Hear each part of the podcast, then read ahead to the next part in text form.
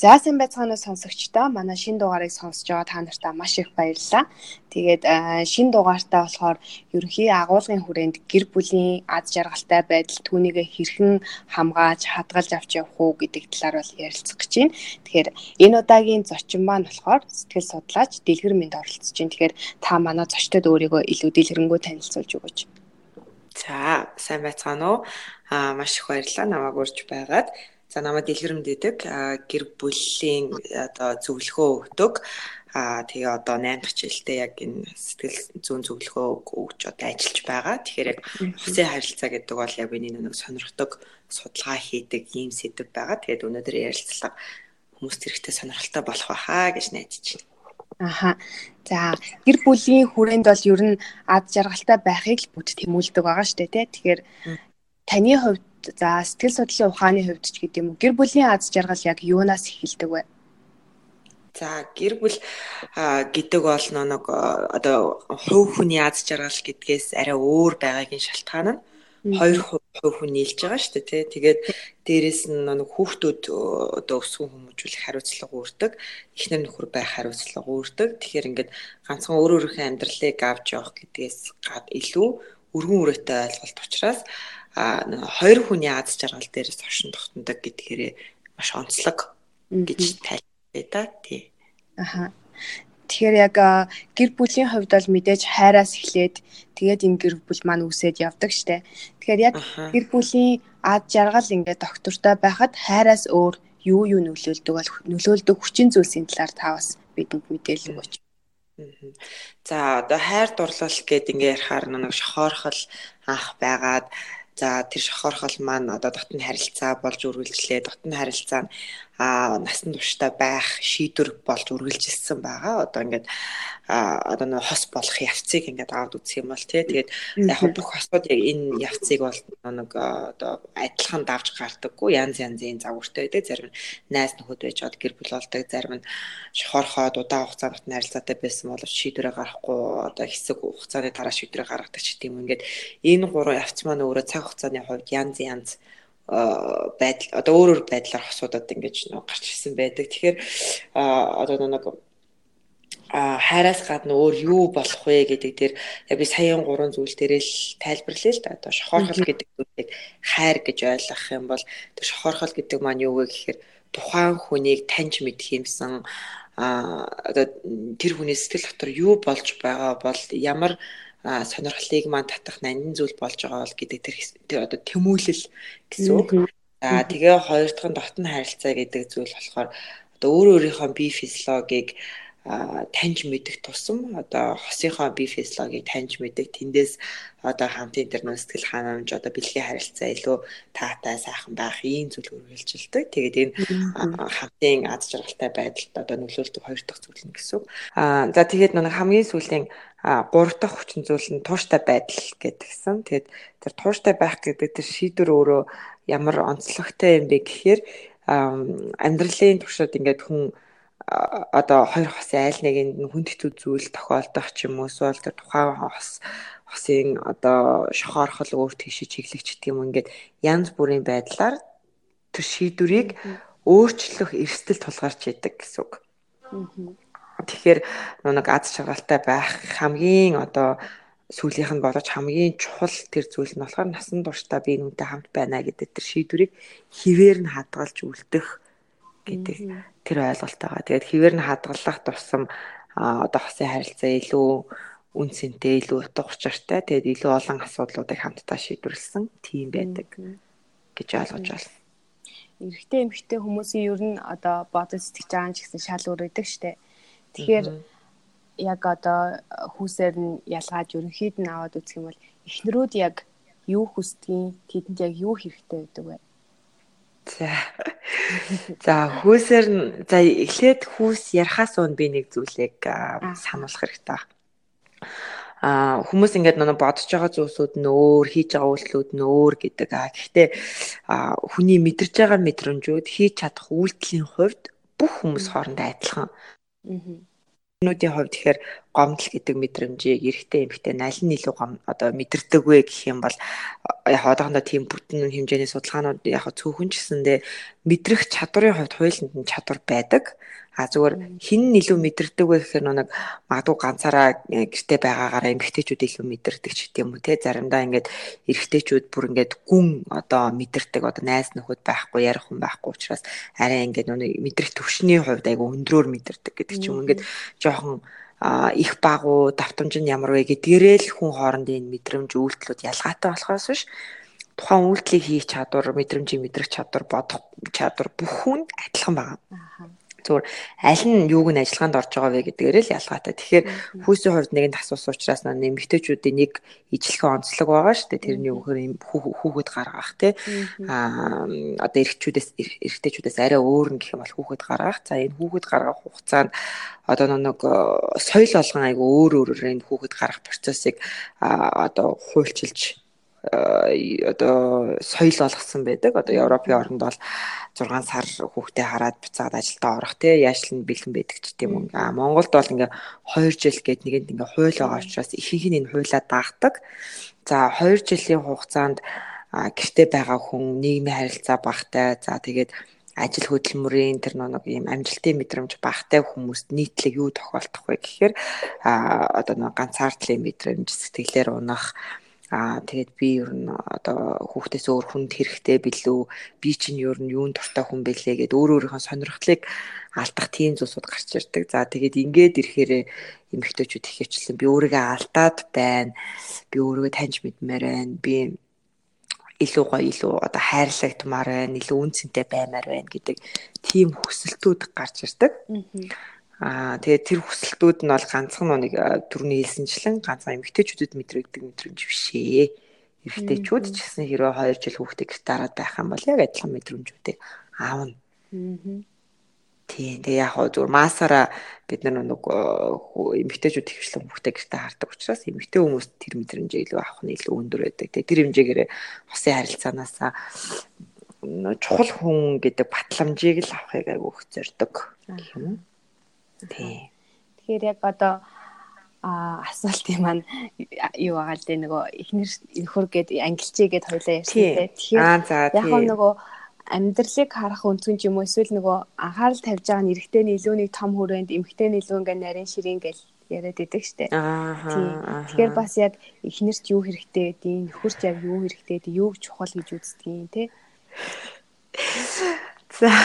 Би яг яг өмнөшгөл нэг ялгаатай гэж хэлэхгүй л байх гэдэг юм л та. Аа яагаад ялгаад эхэлчтэй эхлэхээр аюу асуудал үүсдэг вэ гэхээр а эмэгтэйчүүд тийм юм чинь гээд нэг юу эрэгтэй хүн бас хийж болох үйлдэл хасчдаг байхгүй юу? Аа эмгтээчүүд угаасаа л аа одоо ингээ гомдохороо үйлчлээд юм чинь би дандаа ингээ гаргахдаггүй гэдэг ч юм уу. Тэгэхээр нэг айл талаас нь харуул уул айгу одоо яг одоо тосын зөвлөгөөн дээрсэн айгу анзаарагдаад байдаг зүйл нь аль нэг хүн ямар мэдрэмжтэй вэ тэр мэдрэмжийг нөгөө хүн яг адилхан мэдэрч идэг. Одоо жишээл нэг хүн эхнэр нь маш их гомдж байгаад нөхөр ч гэсэн маш их гомдж идэг. Эхнэр маш ууртай байгаа нөхөр ч гэсэн ууралж байдаг. Яг адилхан ерөнхийдөө мэдэрдэг мэдрэмжүүд байв. А зүгээр онцгой нь нэг ялгааны үн дээр гардаг гэхээр хүүхэд хардаг учраас илүү ганцаардал байдаг. Тэр хэмжээгээр одоо гомдол нь их хвчлэн би ганцаараа байжтэй гэдэг дээр төвлөрсөн байдаг бол эрэгтэй хүнийх нь ажил хөдөлмөр хийж байгаа учраас санхүүгээ шийдвэрлэх маш их асуудал шийдвэрлэх гэдэг ингээд явж идэг. Тэгээд эрэгтэйчүүдийн гомдол бол илүү одоо санхүүгийн а зохицуултгүй байдал дээр гэдэг ч юм уу тийм ингээд арай өөр өөр юм шиг харагдаад байдаг. Гэтэл яг үүндээ байран солиол нөхөр нь хүүхдээ хараад эхнэр нь ажиллаа хийгээд яг нөгөө нэг эсэргээрээ дахиад гомдлууд нь өөр өөр зүйлтер гараад ирдэг байхгүй. Тэгэхээр яг эмэгтэй эрэгтэй хүн дээр юу чухал байдаг вэ гэхээр маш зү. Зүгээр яг хүүсийн хувьд нь шууд анзаарагддаг нэг зүйл юу гэхээр хүн гомдохоороо ямар хариу үйлдэл хийдэг вэ гэдэг дээр ер нь ялгаатай гарч ирдэг. Жишээлбэл эмэгтэйчүүд гомдохоороо хөвчлэн шууд одоо нулимсаар илэрдэг гомдол нь. Аха одоо уйлдаг гэсэн шүү дээ. Би одоо ийм их зүйлийг чиний төлөө хийж яхад чи нэг анзаарсангүй гэж эмэгтэйчүүд уйлдаг. А эрэгтэй хүнийх яадаг гэж бодож байна гомдлно. Харин дотгошоо бүр шигддэм болсон. А тэр нь яаж илэрдэг вэ? Дуугаа ураах ч юм уу тийм л ах. Гэж дуугаа хураах. За ихэнх тохиолдолд эрэгтэйчүүдийн гомдол уур бухимдлаар илэрдэг. Аа би ийм их зүйлийг гэл ихнэр нь уйлал ингэхээр үгүй чи ч гэсэн миний юмыг яагаад анзаардгүй юм те би ингэж хичээж ах чинь гэд ингээд бухимддаг. Тэгээ бухимдахаар хүний нөө дуу хоолойны өнгө айгу өндөр болно тий. Тэгээд нүг бухимдлаа яаж гарах вэ гэдгийг мэдхээ болно. За ингээд эхлэнгууд чи намайг загинжин чи намайг одоо одоо дандаа ингэж ууралдаг муухай ууртай энэ төр гэдэг ингэдэг тий. А эхнэрүүдээ болохоор гомдомхоо дандаа уйлдаг ингээл сул дорой гэж хардаг. Тэгэхээр энэ дээр нэг яг тэгээд байгаа юу гэхээр үгүй зүгээр л дотроо хуйлал гомдоод байгаагаа л илэрхийлэх байна л та. Тэгэхээр уул нь эхнэр нөхрүүдийн хувьд бол хэрвээ эхнэр нь уйлах юм бол одоо дуустал нь уйлуулад нөхөр нь уурлах юм бол дуустал нь уурлуулад тий уурлах уйлах боломжийг нь олгоод бүх тэр нэг гомдлуудыг ингээ гаргачих юм бол уул нь эхнэр нөхрүүд ингээд нүг чиний асуусан аз жаргал гэдгсэн шүү дээ. Тэр мэдрэмжийг авах боломж нь илүү нэмэгдэнэ. Тэгэхгүй эсрэгээр нэг нь уйлан 30 дандаа уйлдаг гэдэг ингээд зогсоочдөг. Эсвэл нэг нь уурлал чи яаж байгаа ингээл тийм 30 дандаа ууралдаг гэдэг ингээд зогсоочдөг. Тэгин гол нь хоёр тал бие бариад өөрөө илэрхийлж чадхаа байж. Илэрхийлж чадхаа яг унаа яг унаа. Тэгээд гомдол гэдэг зүйл чи илэрхийлэгдэхгүй хаагдчихаараа а тийм таатай зүйлд хөрөгдөггүй. Буцаал дахиад яг нөгөө нэг байдлаар илэрдэг. Тэгэнгүүт нөхөр нь одоо гэртээ сохтуу эрэхтэй нөгөө уур бухимдал агсан болгож тавина тий. Эхнэр нь бас ингээд олон хүмүүсийн дунд байж байхдаа нөгөө уур бухимдлаа одоо ингээд дарамжлал болгож илэрхийлэн тий ингээд нөгөө илэрхийлэгдээгүй гомдлууд чинь л тийм тав тохгүй зүйлсүүд рүү яваад идэг л гэсэн үг.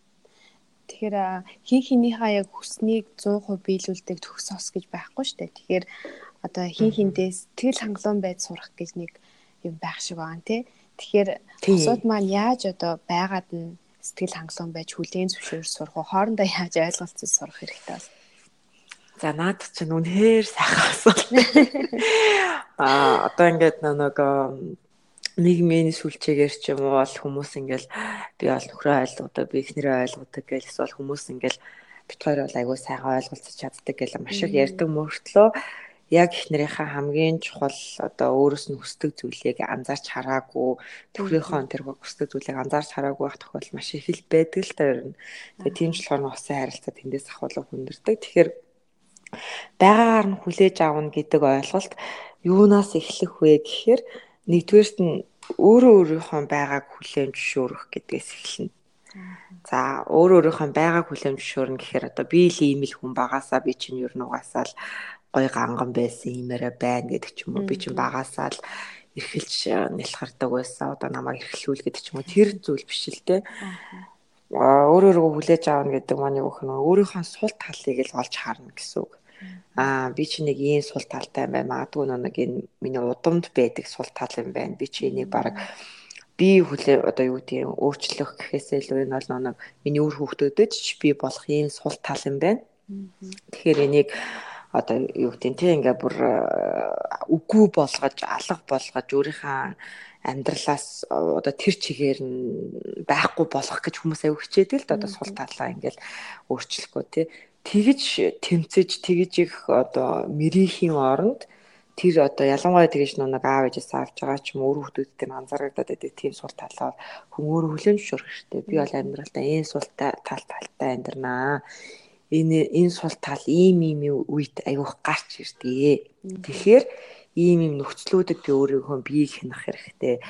а одоо юу яах хэрэгтэй тэр сул талаа шууд гаргаж ирж болохгүй тэг ингээд жоохон одоо анзаарахтай байх хэрэгтэй гэдгээ л хүлэн зөвшөөрөх хэрэгтэй. Тэрнээс бүр огт өөрийнхөө амьдралаас гаргана гэвэл тэр айгүй боломжгүй зүйл. Яа тэгэхээр бид нар ээж амнарчсандээ тийм сул талтай байж байгаа хэрвээ гаргачихаар л байсан бол тэр хүмүүс ч гэсэндээ анзаараа гаргана шүү дээ. Гэтэл тэр чинь нэг генерээ дамжиж орж ирдэг бас зарим зүйлсүүд байдаг учраас тэр чигээр нь алга болоход айгүй хэцүү. Тэгэхээр нэгдүгüүрт нь за би ийм сул талтай учраас би ийм ийм нөхцөл байдлуудад би юу нэг айгүй анзаарахтай байх хэрэгтэй юм байна гэдгээ өөр өөрийнхөө тэр одоо зүйлийг ойлгож анзаараад ингээ харна.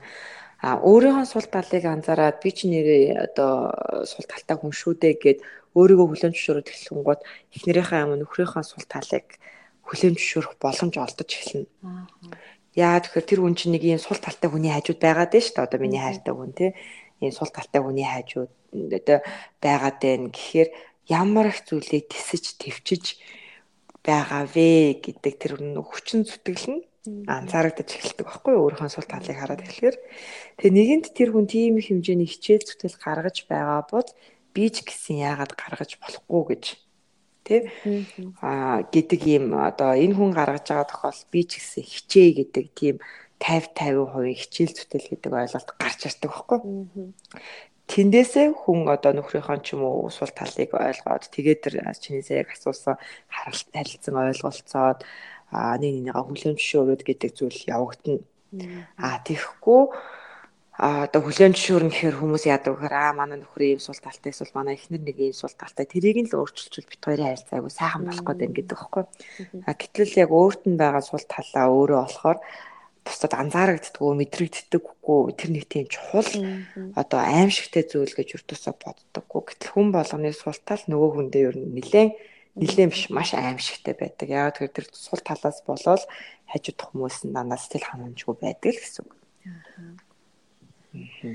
За хүүхдийн аз жаргалын талаар бас ярих хэрэгтэй тий. Хүүхдийн аз жаргал мэдээж шууд утгаараа эцэгхээс шалтгаалах байх л та. Тэгэхээр одоо нэг сайн аав, сайн ээж байх хэрэгтэй гэсэн нэг тийм юм гарч ирэх болов гэж бодож байна. Тэгэхээр одоо сайн аав ээж байна гэдгийг юу гэж тодорхойлох бол тэр нь одоо яаж хүүхдийн аз жаргалд нөлөөлдөг юм бол. За сайн ээж аав байх гэдэг ойлголт хамгийн чухал нь юунаас эхлэх вэ гэхээр ээж аав нь хоорондоо нэг нэгнийгээ доромжлохгүй байхаас шууд эхэлнэ. Хүүхдүүдийнхээ хайжууд ээж аав нар маргалдахгүй, хэрэлдэхгүй, чанга дуурахгүй гэж маш их хичээдэг. Аа хичээдэггүй эцэгчүүд барс маш их байдаг. Тэгэхээр хичээдэггүй эцэгчүүд бол хичээх хэрэгтэй. Өөрсдийн одоо хоорондоо маргалдах дүрмтэй байх хэрэгтэй гэсэн үг. Аа хүүхдүүдийнх нь өдөн дээр биш те тусдаа тэгээд боломж байвал хуйлаа байгаа үедээ тэр үед чи ингээд ингээд гэд дахиж тэрийг одоо төр завсарлаад ч тийм үү те эсвэл хүүхдүүдийнхээ өөр өөрөнд байгаа үедээ гэдэг ч юм уу дууныхаа өнгийг энэ төр намсгаад ямар ч эхний ээлж нь хүүхдүүдтэй зориулж гаргасан тийм дүрмтэй байвал Аа одоо тэр гэр хүүхэд бол айгүй эхлээд нэгдүгээрт бол айгүй юм зөв харилцаанд донд өссөн гэсэн үг. Аа тэгээд доромжлох гэдэг зүйлийг яагаад ингээ бүр онцгойлон хэлээд байгаа юм бэ гэхээр нэг хүүхэд гэдэг хүн хэзээч сонголт байхгүй шүү дээ. Ээж аав гэдэг хоёр хүний хооронд сонголт гаргах хэрэгцээ шаардлага хүүхдэд бол хизээч байхгүй аваа сонгохгүй эзээ сонгохгүй гэдэг юм бол байхгүй. Тэгээ хоёулаа л хүүхдэд хэрэгтэй. Тэгэхээр нэг тийм хоёр нандин чухал хүмүүс ингээд нэг нэгнийгаа муухай үгээр хэлээд чи тэгдэг заа юу танаа гэр бүлийнхэн тийм заа юу гэд ингээд хэлээд хар хүүгүүд яадаг гэхээр аа миний хайртай аав чинь бас сайн хүн биш юм биш үү гэдэг анхны бодлоод орж ирнэ гэсэн үг те. Тэгээ анхны бодлоод орж ирэхээр чи нэг бол ээжигээ өмөрөх нэг бол аавыгаа өмөрөх хэрэгцээ шаардлага бүтэд гарч ирдэг.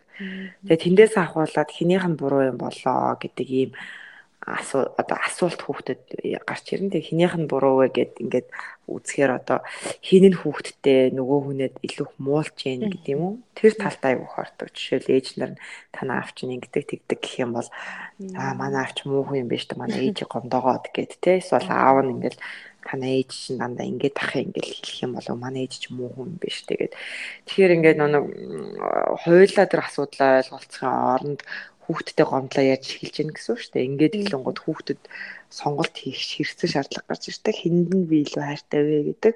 Тэгээ тэр өөрөө тийм сайхан сонголт бол биш л дээ. Аль нэгнийхэн талд орох хэрэгтэй болдог гэсэн үг шүү дээ. Тэгээд тэр нэг нэгнийгээ доромжлох гэдэг зүйлийг л хамгийн ихний ээлжинд хийхгүй байвал зүгээр. За тэр доромжлох гэдэг зүйлд шууд ингээд чи тийм чи ийм заа юу гэдэг тийм шууд нэг нэг л үгээ хандсан доромжлоос бараг илүү а нэг нэгнийхээ ээж аавыг доромжлохгүй байх бол маш чухал. Танай гэрийнхэн тэгдэг, манай гэрийнхэн ингэдэг. Одоо хүмүүс хоорондоо хэрэл тэрийг хизээч одоо өөртөө холбоотой зүйлсүүдийг муу гэж ярихгүй л тий. Аа өөртөө холбоотой зүйлийг ямар нэгэн байдлаар буруутай гэж хинч хүлээн зөвшөөрөхгүй дандаа л бусад хүн буруугаа өгөх гэж оролддог. Тэгээд хоорондоо тэгж нэг чиний буруу, чиний буруу гэж ярих бол байж болно тий энэ чинь хооронд асуудлаа шийдвэрлэх чинь а тэрнээс илүүтэй танаахан угаасаа ингэдэг болохоор гэдэг зүйл орж ирэхээр энэ өөрөө нэг хоёр хүний хоорондын асуудал байжсэн одоо хоёр гэр бүлийн хоорондын асуудал юм шиг болоо явчихдаг. Тэгэд тэр өөрөө усын харилцаанд ч маш хортой хүүхэд сонсож байгаа хүүхдээ өөд шүү дээ бас маш аюу хортой. Тэгэхээр би тийм л одоо даалгавар өгье доо ээж аав байхын тулд хамгийн эхлээд нэгнтэйгээ доромжлохгүй байх. А хоёрдугаарх нь ээж аав нараагаа доромжилж ярьдаггүй байх гэдэг. Тий. Тэрийг л хийхэд юу нэлээд их одоо юу тийм асуудал шийдвэрлэгдэн. Дээрээс нь бас нэг хүүхдүүдэд ч гэсэндээ яг хоорондоо маргалдаж болно, ингээ асуудал үүсч болно, гэр бүлд ийм таагүй уур амьсгал байдаг гэдэг хүүхдээ ойлгож болно. Гэхдээ аль аль нь нэг нэг нэг муулдаггүй байхаар хүүхэд айгуу тийм эрүүл ойлголттой болдог. Ганцхан хосын харилцаа юм шиг өөрийнхөө талаар би чи ихтэй хөвчтэй гэдэг. Тэгэхгүй ингээд нэг нэг муулаад ахаараа би ч юу н хэрэггүй ч юм болов гэдэг юм бас гарч ирдэг гэсэн. Ааха. За хоёлаас а баг ингээл детальчлал айгуу сайн ярьлаа л та. Одоо яг ерөнхийд нь та гэр бүл одоо аз жаргалтай гэр бүлийг яаж бүтээх үү? Түүнийгээ хэрхэн урт хугацаанд хадгалж авч явах вэ гэдэгт хариулт өгөөч. Байна уу? Байна байна. Аа за. Аз жаргалтай гэр бүлийг хэрхэн бүтээх үү? Тэгээ түүнийгээ хэрхэн урт хугацаанд хадгалж авч явах вэ? Гэсэн. За ад шалгалтай гэр бүлээ бүтээх гэдэг дээр за сайн хуйлаа нэлээн ярилцсан яг юунд нэг нэг ойлгох гэсэн тий. Тэр маш том чухал. А хоёрдугаархан дээр насан туршийн шийдвэр гэдэг зүйлийг өргөлж шийдвэртэй үнэнч байх гэдэг нь маш чухал. Тэрнээс биш. Оо энэ асуудлыг хойлоо давж харахгүй юм байна гэд ингээд болчвол бас аюу хэцүү. Тэгээд энэ хоёр зүйл одоо юу юунаас хамгийн чухал хоёр хүчин зүйл. А тэгээ гурав дахьыг нь зөвөр нэмээд хэлэхэд аз жаргал гэд нэгэнд хэлж байгаа учраас а юу одоо аз жаргалыг бий болгодог зүйлсүүд чинь тэр нэг аз жаргалтай байх мөчүүд шүү дээ тий. Тэрнээс биш. Зүр бодлоо гэл одоо бодлоо гэсэн ч гэсэндээ дараа нь бид нар тэр аз жаргалтай мөчүүдээ л хэрэгж санана аа тэгэхэд сайхан байсан ингээд сайхан байсан гэх. Тэгэхээр тэр аз жаргалтай мөчүүдийг одоо нэг юуны хайрын хадгаламж гэж нэрлэдэг байхгүй. Тэгээд тийм мөчүүдийг хадгалдаг, тийм хайрын хадгаламжтай болох хэрэгтэй. За тэрийг хаана хадгалахын хин дээрээ нь хариуцахын гэж бас болно шүү дээ тий. Тэгэхээр одоо мөнгийг бол бид нар банкнд очиж хадгалдаг байх нь шүү дээ. Аа тийм хайрын дурсамжуудыг бол өөртөөхөө дотор л хадгална. Ерөнхийдөө ийм зүйл болсон шүү гэх. Тэгээ яг тэрийг илэрхийлж идэг нэг зүйл бол зураг байдаг их тохиолдолд ийм ийм ийм олон сайхан дурсгалтай мөчүүд байсан шүү гэдэг. Зургийн альбом маань өөрөө бас хайрын хадгаламж болоод ингээд дурсамж болоод үлдээдэг. Тэгэхээр магадгүй одоо нэг оч үйж чинь юу байхгүй альбом байхгүй болсон шүү дээ. Тэгэхээр магадгүй яг тийм хайрын хадгаламж гэж бүр зориулагдаад яг амьдралын хамгийн чухал болон чухал бус ч гэсэндээ тийм сайхан дурсамжтай өдрүүдэд хадгалж болно. Тэгээд ерөнхийдөө тэр хайрын хадгаламж гэдэг зүйл нь эргээд асуудал үүсэх үед одоо бит хоёрт ийм ийм олон дурсамжууд байгаа юм чинь бит хоёр одоо энэ асуудлыг бол шийдвэрлэж чадна гэсэн итгэл өгдөг.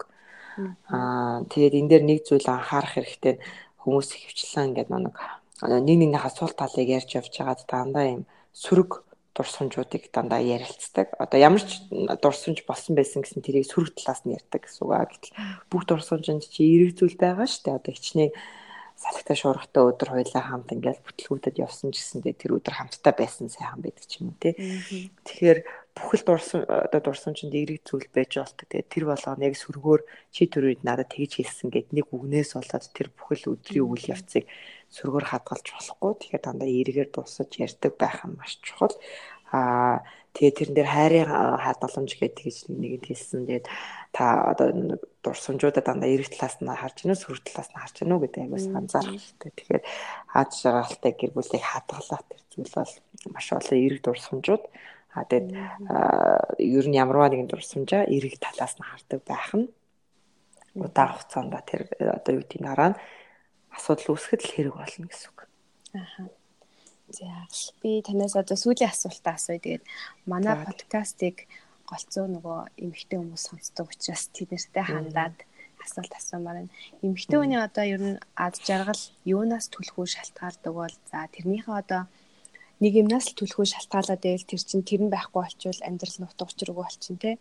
Тэгэхээр бас энэ амьдралынхаа аз жаргалтай байхыг амьдралынхаа өөрийн одоо энэ сэтгэл хангалуун байхыг яаж тэнцвэртэй авч явах уу яаж амьдралаа тийм өөртөө сайхнаар туулж болох бол за а одоо нэг эмэгтэй хүн асууж байгаа. Гэхдээ би нэг хүүс ярихгүй л гэдэг байгаа тийм ярихгүй гэдэг. Тийм ярихгүй л гэдэг байгаа. Тэгээд а яг нэг би нэг хэлсэн эмэгтэйчүүд онцлог бол хүүхэд гаргах тэгээ Монголд байгаа эмэгтэйчүүдийн онцлог бол 2 жилээр гэртээ хүүхэд харах. Тэр бол 3 хүүхэдтэй боллоо гэхэд 6 жил гэртээ байна гэсэн.